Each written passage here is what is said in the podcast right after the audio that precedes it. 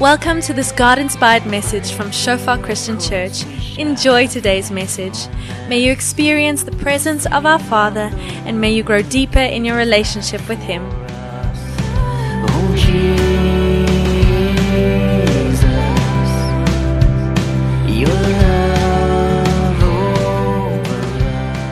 Maar van die dat my netjie niks weer en is regtig eer en voorreg om hier te kan wees op op hierdie spesiale naweek en met een van die dinge wat vir my so toevallig was en waarvoor ons net voor die tyd ook gebid het en ek sal regtig onsself bemoedig, jy weet die skrif sê vir ons, examine yourself. Kyk na jouself en kyk of jy in die geloof is. Is die vrug van God regtig in lewe? Veral vir ons, jy weet in die Afrikaner tradisie wat uit 'n gemeente uitkom en uit 'n gemeenskap uitkom wat hoofsaaklik Christen is. Jy weet ek maak altyd die grap en sê ek het nie geweet toe ek klein geword het daar's 'n ander opsie nie. Ek het gedog mense is maar net by default 'n Christen. En ons ken die Here want so was ons groot gemaak. Maar Skrif sê kyk na jouself, examine yourself, deurgrond jouself en kyk of jy in die geloof is. Want dan kom tye soos Paasnaweek en dan sit mense goedjies op Facebook en op hulle status messages op WhatsApp en ons weet om die goedjies te sê en ons verstaan wat gebeur het want ons was dit geleer van kleins af. Hy het uit, opgestaan. En hy het gebid, Vader vergewe hulle want hulle weet nie wat hulle doen nie. Maar is die waarheid, maar het daai waarheid pos gevat in jou lewe? Het daai waarheid verandering kom laat plaasvind want elkeen wat in Christus is, kyk, hy's 'n nuwe mens. Die ou het weggegaan, die nuwe het gekom. Vir onsself daai vraag te vra sodat ons nie 'n heilige week sal lewe nie, maar heilige lewe oor dat wat op hierdie naweek gebeur het.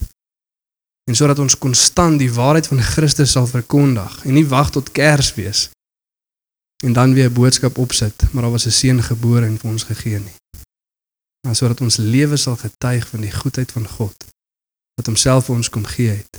En ons gaan vandag bietjie kyk na die boodskap van die kruis en die kroon en wat dit vir ons beteken hier waar ons nou is. Ons titel vir vandag, 'n myl in die skoene van Timoteus, deel 4, tussen die kruis en die kroon. En vir die van julle wat nie was van deel 1 tot 3 nie, julle gaan niks uitmis vandag nie. Is lekker om te sien hoe die goedjies saamwerk, maar vandag sal jy nie iets verstaan of nie by wees omdat jy die ander gemis het nie, maar deel 1 het ons die vraag gevra, hoe kan ons vinniger verder gaan? Soos wat Timoteus sê, dat hy op 'n plek kom waar mense sê, luister hierso, mense gaan jou minag vir jou jonkheid, maar stel hulle 'n voorbeeld. Hulle gaan dink jy is nog nie genoeg experience nie of jy het nog nie genoeg ouderdom in die lewe nie, want jy het bietjie vinniger verder gegaan.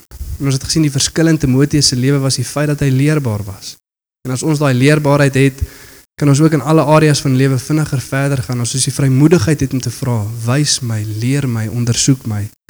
En kom wys my waar ek verkeerd verstaan of nie reg verstaan nie of goed verkeerd doen, sodat mense kan inspraak lewer sodat ons vinniger verder kan gaan. Ons hoef nie te sukkel nie. Die Paulusse is om ons. Maar ons moet net die vrymoedigheid om te vra sodat daai mense ons kan help. Deel 2 het ons gekyk na koninkryksfokus, hoe bou ons sterker vir langer, maar soos Jesus en wat hy gedoen het op Paasfees. Dis nou daai stuk gekyk het in Filippense 2. Hy wat in die gestalte van God was, het dit nie iets gesien om aan vas te klou nie. Hy het homself verneder deur die vorm van 'n slaaf aan te neem en toe hy in die gelykenis van 'n mens gevind was. Homself nog verder verneder deur gehoorsaam te wees tot die punt van dood, selfs dood aan 'n kruis. En as ons ook daai ander georiënteerde lewe het wat ons sien in Jesus en fokus op die mense om ons en nie net ons eie nie, soos wat dit skryf, Timoteus is soos geen iemand anders nie. Ek kan niemand vir julle stuur soos hy nie. Want hy dra die belange van Christus op die hart, sy mense, sy koninkryk. En as ons daai koninkryks fokus het, dan bou ons met ewigheidswaarde. Want is die waarskuwing ook daar, moenie jou fokus laat sak nie. Hou jou fokus op Jesus. Bly gefokus, bly gaan. Want so wat dit sê in hoofstuk 3 van Filippense van vers 17 af, baie van wie ek julle vertel het, vertel ek julle nou met trane in my oë, loop as vyande van die kruis van Christus. Hulle einde is verwoesting. Want hulle dink net aan aardse dinge. Laat ons nie daai mentaliteit hê nie, maar laat ons bly fokus op Jesus. Op sy koningskap. Toets jouself. Kyk waar is jou fokus. En laasweek het ons gekyk na, ons gaan na dieselfde stuk kyk. In dieselfde stuk was daar twee boodskappe, een 'n waarskuwing en een 'n bemoediging. Ek het laasweek gesê ons het 'n paar harde boodskappe gehoor die laaste ruk, maar vandag gaan ons bemoediging preek. En dit is nodig vir ons. En ons het laasweek gekyk na die feit dat as ons ingee in die versoeking om nie die waarheid te verkondig nie, So wat Paulus vir Timoteus skryf, verkondig die waarheid, tydig ontydig, weer lê, vermaan, bestraf met alle langmoedigheid en lering. Want daar gaan 'n tyd kom wanneer die mense na die gesonde leer nie meer wil na luister nie. Maar omdat hulle in hulle gehoor gestreel wil wees, gaan hulle hulle leraars bymekaar maak volgens hulle eie bekeerlikhede. En Paulus sê daar gaan vir ons die geneigtheid wees vir ons oor hom te juk, vir ons om wat in ons gehoor gestreel wil wees. En die belangrikheid van ons, die waarskuwing vir ons, die bevel vir ons is spreek die waarheid. Hou Christus voor jou en hoe ons dit doen is om konstant die woord van God te verkondig. Elke dag. Om daai versoeking om, om nie in te in daai versoeking nie, maar wat gaan die mense dink? Wat gaan my vriend dink as ek vir hom sê jou lewe is uit lynheid met die woord van die evangelie? Wat gaan hulle dink as ek vir hulle die boodskap van Christus gaan verkondig en sê hy ek weet jy glo dalk sekere dinge maar die skrif sê daar's geen ander naam vir die mens gegee deur wat ons gered moet wees nie. Net een naam die naam Jesus Christus. Bekeer jouself. En vandag gaan ons kyk na die bemoediging tussen die kruis en die kroon. Dis waar ons onsself bevind. Dit antwoord die vraag maar hoekom doen ons wat ons doen? Hoekom lewe ons soos ons lewe? Hoekom gee ons onsself oor aan God en sy goedheid? En ons bevind onsself in hierdie twee plekke Jesus het soos wat ons terugkyk na Paasnaweek vir ons kom sterf op 'n kruis om ons te reinig van alle ongeregtigheid om ons skoon te kom was vir sonde. Maar dan weet ons ook Jesus kom weer terug om ons te kom haal en vir ons 'n beloning te gee van die werk van genade wat hy deur ons gedoen het en dit is vir ons belangrik om altyd daai aspekte voor ons te hou konstant. So kom ons lees deur hierdie stuk en ons kyk wat ons kan leer. 2 Timoteus 4 van vers 1 tot vers 18. Ek beveel jou voor God en voor Christus Jesus wat die lewendes en die dooies sal oordeel. Ek beveel jou met die oog op sy koms en sy koningskap. Verkondig die woord. Hou aan tydig en ontydig, weer lê bestraf vermaan in alle langmoedigheid en lering. Want daar sal 'n tyd wees wanneer hulle die gesonde leer nie sal verdra nie, maar omdat hulle in hulle gehoor gestreel wil wees, vir hulle menigte leraars sal versamel volgens hulle eie begeerlikhede en die oor sal afkeer van die waarheid en hulle sal wend tot fabels. Maar wees jy in alles nigter. Ly verdrukking, doen die werk van 'n evangelis, vervul jou bediening. Want ek word al reeds as 'n drankoffer uitgegiet en die tyd van my heengaan is naby. Ek het die goeie stryd gestry, ek het die wedloop volëindig, ek het die geloof behou. Verder is my weggelê die kroon van die geregtigheid wat die Here die regverdige regter my in die dag sal gee en nie aan my alleen nie maar ook aan almal wat sy verskyning liefgehad het. Probeer so gou moontlik na my toe kom want Demas het die teenwoordige wêreld liefgekry en my verlaat. En na Tessalonika vertrek. Crescens is in Galasië en Titus in Dalmasië toe. Nog net Lukas is by my. As jy kom, moet jy ook vir Markus saambring. Hy kan baie vir my en vir die werk van die Here doen. Tychicus het ek na Efese toe gestuur. As jy kom, moet jy die reismantel saambring wat ek by Karpus en Troas laat bly het en ook die boeke, veral die parkemente. Alexander die kopersmid het my baie kwaad aangedoen. Mag die Here hom vergeld vir wat hy gedoen het. Jy moet ook vir hom op jou hoede wees, want hy het ons prediking heftig teengewerk. In my eerste verdediging het niemand my bygestaan nie, maar almal het my verlaat. Mag dit hulle nie toegereken word nie. Maar die Here het my bygestaan en my krag gegee sodat deur my die prediking heeltemal volbring kan word en al die heidene dit kan hoor en ek is uit die bek van die leeu verlos. En die Here sal my verlos van elke bose werk en my red om in sy hemelse koninkryk in te gaan aan hom die heerlikheid tot in alle ewigheid. Amen En soos wat ons deur daai stuk lees dan sien ons daar's harde woorde. Soos wat ons laas keer na gekyk het. Mense gaan hulle gehoor gestreel word. Jy gaan baie keer deel wees van daai mense. Moenie ingee nie. Verkondig die woord tydig en ontydig. En soos wat ons daai woord verkondig dan kom weer lê vermaan en bestraf die woord wat ons gee ook onsself. En ons word herinner aan die woord van Christus. Harde woorde. Preek die evangelie. Tydig ontydig. Ly verdrukking vervul jou bediening, druk deur. Sodat ons soos Paulus kan sê, ek het die stryd gestry, ek het die wedloop voltooi, ek het die geloof behou. Iets wat ek glo almal van ons sal wil sê, maar ook mooi woorde. Woorde wat Paulus skryf dat die regverdige regter vir my die kroon van geregtigheid sal gee, dat die Here my bygestaan het, dat hy my krag gegee het. Maar ook hartseer woorde. Demas het die teenwoordige wêreld lief gekry, hy het my verlaat. Hy's nie meer in die geloof nie. Hy het nie die stryd gestry nie. Hy het nie die wedloop voltooi nie. Hy het nie die geloof behou nie. Want hy sy fokus laat sak. Maar weer eens woorde woorde van bemoediging vir ons wat fokus op God en aan hom bly vashou. verstaan ons dat die Here sal my verlos van elke bose werk en my red om in sy hemelse koninkryk in te gaan aan hom die heerlikheid tot in aller ewigheid.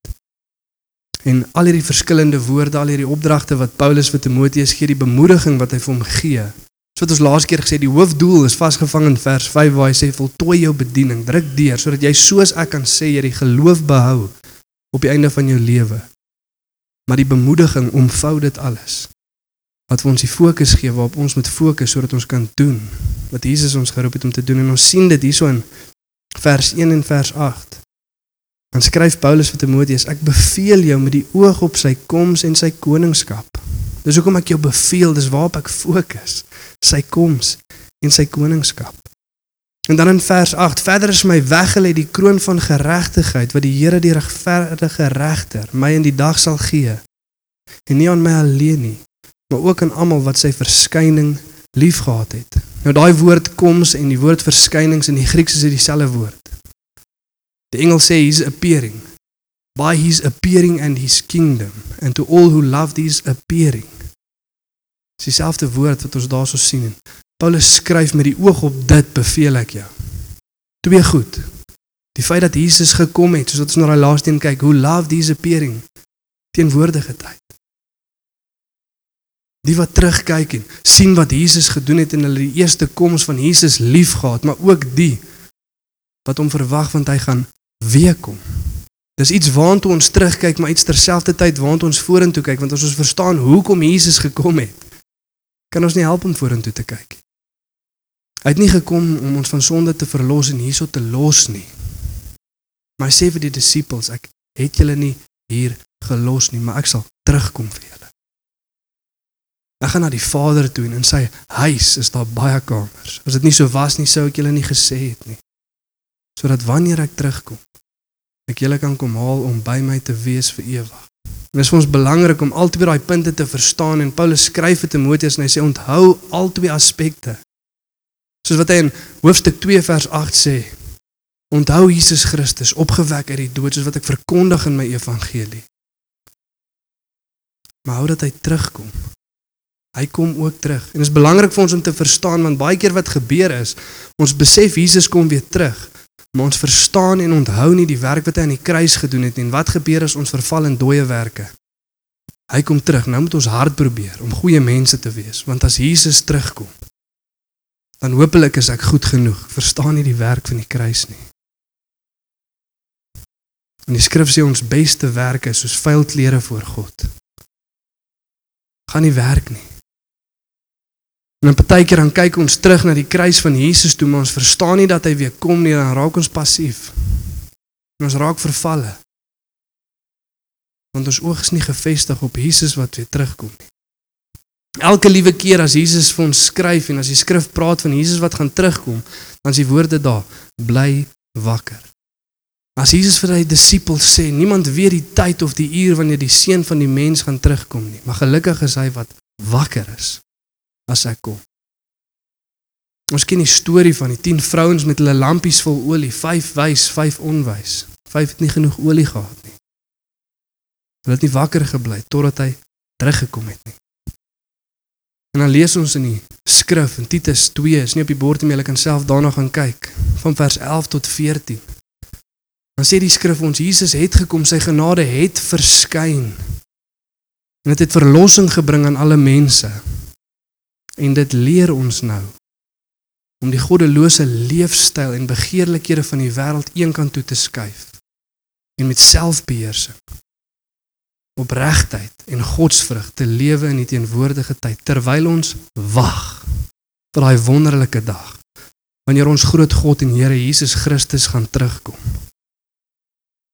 Maar hy het gekom om ons te verlos van sonde om ons skoon te was van alle ongeregtigheid en vir om mense bymekaar te maak wat ywerig is vir goeie werke.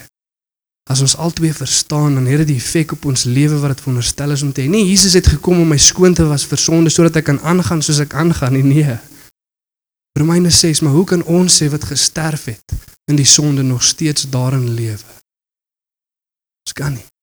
Want ons wag vir daai dag wanneer Jesus gaan terugkom.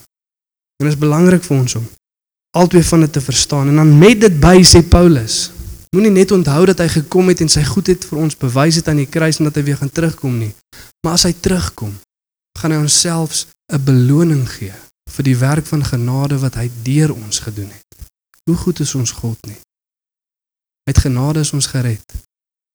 Uit genade die Gees ontvang sodat ons met krag die woord van God kan verkondig en die werk van God deur ons kan laat doen. Uit genade kom haal hy ons weer en dan gee hy ons 'n beloning vir die werk wat hy deur ons doen. Wat 'n goeie God dien ons nie. En Paulus sê, dis as ons albei hierdie doen. Dis die bemoediging. Dis waarna ek wil hê moet vashou. Want ons iets waarna ons sien. As ons terugkyk na Jesus toe, as iets wat ons sien as ons vorentoe kyk na Jesus toe, ons gaan dit nou sien in 'n oomblik. Maar dit alles begin by die eerste verskyning. Toe Jesus vir ons kom sterf het uit die op die kruis. Markus 5 15 van vers 12 tot 20. Ons kan saam lees op die bord of in julle Bybels. Dit sê toe antwoord Pilatus weer en sê vir hulle: Wat wil julle dan hê moet ek doen met hom wat julle die koning van die Jode noem? En hulle skree weer: Kruisig hom. Maar Pilatus sê vir hulle: Watter kwaad het hy dan gedoen? Hulle skree toe nog harder: Kruisig hom. En omdat Pilatus aan die skare hulle sin wou gee, het hy Barabbas vir hulle losgelaat. En wanneer ook al ons daai stuk skrif lees en ons wonder wie is Barabbas? Hierdie ou wat in die tronk was en dit verdien het om dood te gaan.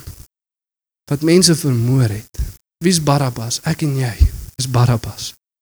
In hierdie storie ons kan ons naam daarin lees. Omdat hulle geskree het kruisig die seun van God was ek en jy vrygelaat. Hy het die dood gesterf wat ons verdien. Sodat ons die geregtigheid kan kry wat syne was. En soos wat ons deur daai stuk lees, dan kan ons lees hy het Wian vir hulle losgelaat. En nadat hy Jesus laat geesel het, het hy hom oorgelewer om gekruisig te word. Toe lei die soldate hom weg in die binneplaas. Dit is die goewerneur se paleis en hulle roep die hele leerafdeling bymekaar en trek hom 'n purper kleed aan. Vleg 'n doringkroon van dorings en sit dit vir hom op. En hulle slaan hom met 'n riet op die hoof en spoeg op hom. En val op hulle knieë en bring hom wilde. En toe hulle hom bespot, toe hulle hom bespot het, trek hulle hom die purper kleed uit en trek hom sy eie klere aan. En hulle lei hom weg om hom te kruisig. Die goedheid vir God vir my en jou. Enig een van daai oomblikke kon Jesus gesê tot hier toe en nie verder nie, ek sal vir julle gee wat julle verdien. En is omgedraai en die leerskare van die hemele kom af en gryp elkeen daan, hang hulle op 'n kruis. Maar vir sy goedheid en hoe baie keer doen ons maar nie dieselfde nie, buig en bespotting voor Jesus. Want ons verstaan nie wie hy is en wat hy gedoen het nie. Een naweek 'n jaar OK Here, op hierdie naweek sal ek ietsie opsit wat wys dat U vir my kom sterf het en dan sal ek weer wag tot Kersfees kom. Ons verstaan nie wie Jesus is nie. En dan ken ons die res van die storie Jesus wat in Lukas 23 sê Vader vergewe hulle want hulle weet nie wat hulle doen nie. Hulle weet nie wat hulle doen nie. En Jesus wat sê my Vader, my Vader, hoekom het U my verlaat? Net teenwoordigheid van die Vader word van die Seun af weggeskeer sodat ek en jy kan nader gaan. 'n Verhouding so intiem vir aller ewigheid voor tyd. Vader, Seun en Heilige Gees bymekaar en vir die eerste keer in sy lewe. Ervaar Jesus dit toe die Vader sy rug van hom af wegdraai, die teenwoordigheid van God hom verlaat. Sodat ek en jy kan nader gaan. En dan sê Jesus, Vader, in U hande gee ek my gees oor. My wonderlike woorde in Johannes 19 vers 30. Dit is volbring. Hier is finished hier is dan. Jesus wat sy lewe vir ons neerlê. En dan skeer die voorhangsel van die tempel in twee sodat ons weer tot God kan nader deur die werk van Jesus op die kruis. Wat in ons plek kom sterf. En dan so 'n evangelie wat vandag hier rond is doen wat sê wat op die kruis gebeur het wys vir my en jou ons waarde. Nee. Dit wys die ernstigheid van ons sonde die genade en die liefde van God. Daar's mense wat sê kyk, hoe groot 'n prys het die Vader vir jou betaal, dit is jou waarde. Nee. Dit was jou sonde. Dit was my sonde. Dit is die bedrag wat betaal moes word sodat ons weer een gemaak kan word met die Vader, hom weer kan ken en tot hom kan nader. Dis nie ons waarde nie. Jesus praat in Matteus 11 vers 11 en praat hy van Johannes die Doper. Dan sê hy en van die wat onder vroue gebore was is geen groter as Johannes die Doper nie. En dan sê die Johannes die Doper in Johannes 1 vers 27, daar's een wat na my kom wat meer waardig as ek is. Ek is nie eers waardig om sy sandale vir hom uit te trek nie. Hoeveel te minder my dat hy sy lewe vir my gee nie. Dit wys nie vir ons ons waarde. Dit wys ons die genade en die liefde van God. Wat vir ons kom sterf het al was ons nie waardig nie. Anders is dit nie genade nie, anders is dit net in elk geval hoeveel ek werd is. Kan julle dit sien? Dis nie die boodskap van die evangelie nie. As iemand iets by jou vat en daai ding is R10000 werd en jy gaan na die persoon toe en jy betaal R10000 om dit terug te kry, dis nie genade nie. Dis net hoeveel die ding werd is. Maar ons was die bloed van die seun van God nie werd. Maar uit genade uit het hy homself vir ons kom neerlê sodat ons hom kan ken. En dis hoekom die Here sê vir die wat daai woord sien, wat daai woord hoor en nie Jesus volg nie, die straf van God sal oorbly. En dink ons die hel eendag is 'n erge straf. Maar wat 'n erge genade het hulle nie een kant toe geskuif nie vir die seun van God om sy lewe vir ons te kom gee sodat ons hom kan ken. Dis die eerste koms. Romeine 5 vers 8 sê God het sy liefde vir ons daarin bewys dat Christus vir ons gesterf het terwyl ons nog sondaars was. Nie ons waarde nie, maar sy liefde. Het sy liefde, sy goedheid aan ons bewys deur Jesus wat vir ons kom sterf het. En dan kom ons na die tweede verskyning toe Jesus wat sê maar ek gaan hom 'n plek vir julle te maak sodat as ek terugkom julle by my kan wees. Dan lees ons in Hebreërs 9:28. Weereens al twee verskynings bymekaar. So is Christus ook net eenmaal geoffer om die sondes van baie weg te neem. As hy die tweede keer verskyn, as hy weer kom, kom hy nie in verband met sonde nie, maar om verlossing te bring vir die wat hom verwag. En soos wat Paulus En waar was in Paulus se lewe en in Timoteus se lewe? Miskien verskyn jy aan hom voordat hy aan ons verskyn. Miskien is sy tweede verskyning nie oor 100 jaar vir jou nie, maar môre, vanmiddag, vandag. Maar verwag jy dit? sien jy uit na dit? Soos wat Openbaring sê, die bruid en die gees sê kom, Jesus kom. Ons kyk na die wêreld om ons en ons weet ons het hier nodig kom. Hierdie dinge van hierdie wêreld het ek nie lief nie. Daar's een waarna ek verlang en dis Jesus. Kom Jesus, kom verwag die Here. En die wat sy verskyning liefgehad het, hulle sal daai kroon kry. Die wat hom verwag, hulle sal gered word. Hulle sal verlos word. Maar die wat hom nie verwag nie, die wat nie vir sy verskyning liefgehad het nie, gaan hy ook nie kom in verband om die sonde weg te vat nie, maar om die sonde te oordeel. En dan sien ons hierdie genade van God wat vir ons gaan terugkom. Wat soos Jesus in Johannes 14 sê, vir ons 'n plek gaan maak sodat ons by hom kan wees vir ewig. Deur die werk wat hy gedoen het op die kruis en met dit nog by dra hy 'n doringkroon sodat ons 'n kroon van geregtigheid, lewe en heerlikheid kan kry. Die skrif sê die volgende, 2 Timoteus 4 vers 8. Verder is vir my weggelê die kroon van die geregtigheid. Paulus wat skryf soos ons nou net gelees het. 1 Petrus 5 vers 4. En wanneer die opperherder verskyn, sal hy die onverwelklike kroon van heerlikheid ontvang. Openbaring 2:10. Wees getrou tot die dood toe en ek sal jou die kroon van die lewe gee. Dan lees ons in Jakobus 1 vers 12 ook net nog skrifte vooraf om praat julle kan self dit gaan lees. Maar vir die een wat in versoeking staande bly en deur die toets gegaan het en volhard het, vir hom sal hy die kroon van lewe gee. En ook so aan almal wat hom liefgehad het. Openbaring 3 vers 11. Ek kom gou, Jesus wat praat. Hou vas aan wat jy het en ek sal julle die kroon van lewe gee. Besop dat iemand nie julle kroon by julle vat nie. En dan sien ons hierdie goeders en dan vra ons onsself die vraag, wat beteken dit nou vir ons? Want ons is tussen die kroon en die kruis. Ons kyk terug na die kruis van Jesus en ons wag vir die kroon wat ons gaan ontvang. Wat beteken dit vir ons nou hier? waar ons staan. En wat dit vir ons beteken dat as ek terugkyk en ek aan die liefde en die genade en die goedheid van God sien wat hy aan my bewys het deur sy seun vir my te stuur het. En as ek vorentoe kyk en ek sien hoe goed God vir my gaan wees. Die nie net my vir ewig by hom te laat bly nie, maar 'n beloning vir my te gee vir die werk wat hy deur my gedoen het. Dan kan ons met sekerheid soos Paulus die volgende woorde sê. 2 Timoteus 4:17 tot 18. Maar die Here het my bygestaan en my krag gegee. Hy sal my bystaan en hy sal my krag gee. Hier waar ek nou is. Want toe ek terugkyk, is hy goed. As ek vorentoe kyk, is hy goed. Sekerlik sal hy nou ook vir my goed wees. En die Here sal my verlos van elke bose werk en my red om in sy hemelse koninkryk in te gaan. Wat gee vir Paulus die vrymoedigheid om dit te kan sê? Hy sê as ek terugkyk, sien ek die goedheid van God wat sy seun vir my gestuur het. As ek vorentoe kyk, sien ek die goedheid van God wat die kroon van geregtigheid vir my sal gee.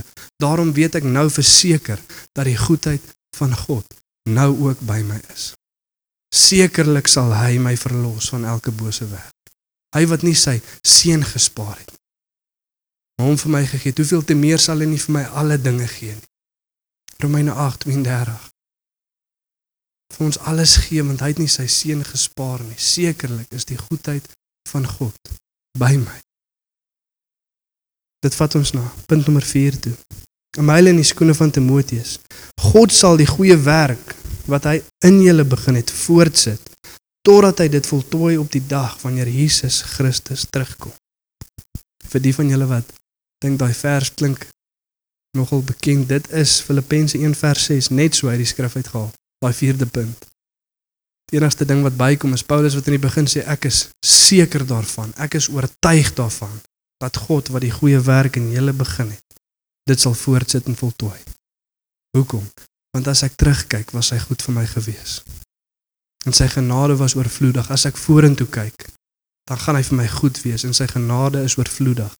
Sekerlik is die goedheid van God ook nou by my. As hy so goed vir my was en so goed vir my sal wees, sekerlik bly hy goed nou. En dit beteken nie dat jy alles sal hê wat jy wil hê nie. Dit beteken nie dat jy al sal kry wat jy wil kry nie. Dit beteken nie dat jy nooit sal sukkel, nooit sal siek wees nooit deur moeilikheid gaan nie. Paulus van alle mense dit geweet. Skipbreek gelei, was gestenig, was geslaan. En terwyl hy daai woorde vir Timoteus skryf, is hy 'n paar dae weg om met die swaard doodgemaak te wees vir die evangelie. Maar God sal my in sy hemelse koninkryk inbring. Dit is waarna ek uitsien. Paulus skryf self vir my moeilike ding ek sal graag eerder gaan en saam met Christus wees. Maar vir julle, onthaalwe, praat van die kerk, sal ek agterbly sodat ek julle nog 'n paar dinge kan leer van die goedheid van God. En dan sal ek gaan, maar ek wil graag by die Here wees. En ek wil ons los met die volgende vers, Johannes 10 vers 27 en 30. In hierdie selfde stuk kan sê dit die goeie herder Jesus lê sy lewe vir sy skape neer. Dan sê hy my skape luister na my stem en ek ken hulle en hulle volg my. En ek gee hulle die ewige lewe en hulle sal nooit verlore gaan tot in ewigheid nie. En niemand sal hulle uit my hand ruk nie. My Vader wat hulle aan my gegee het, is groter as almal. En niemand kan hulle uit die hand van my Vader ruk nie. Ek en die Vader is een. As ons op God gefokus bly, Paulus skryf daar, hy het my die krag gegee en hy het my bygestaan sodat die boodskap van die evangelie aan die heidene nasies gekondig kan word. Paulus sê vir ons wat sy fokus is. Hy sê waarmee hy besig was. Ek het vasgehou aan die een wat my vashou. En niemand kan my uit sy hand uit ruk nie. Moet nie self uit sy hand uit loop nie. Moenie self jou fokus laat sak nie. Moenie self laat gaan nie. Hou vas aan die geloof. Paulus skryf vir Timoteus in 1 Timoteus 1 vers 18: "Deur die profeseë wat oor jou gemaak was, stry die goeie stryd en behou 'n goeie gewete en die geloof, want deur dit te verlaat, het baie skibreek gelei in hulle geloof." Hou vas aan hom. En soos wat jy aan hom vas is, kan jy seker wees dat niemand anders jou uit sy hand uit sal ruk nie. Maar hy sal jou behoue bly. En hy sal die goeie werk wat hy in jou begin het, voltooi tot op die dag wat Jesus terugkom.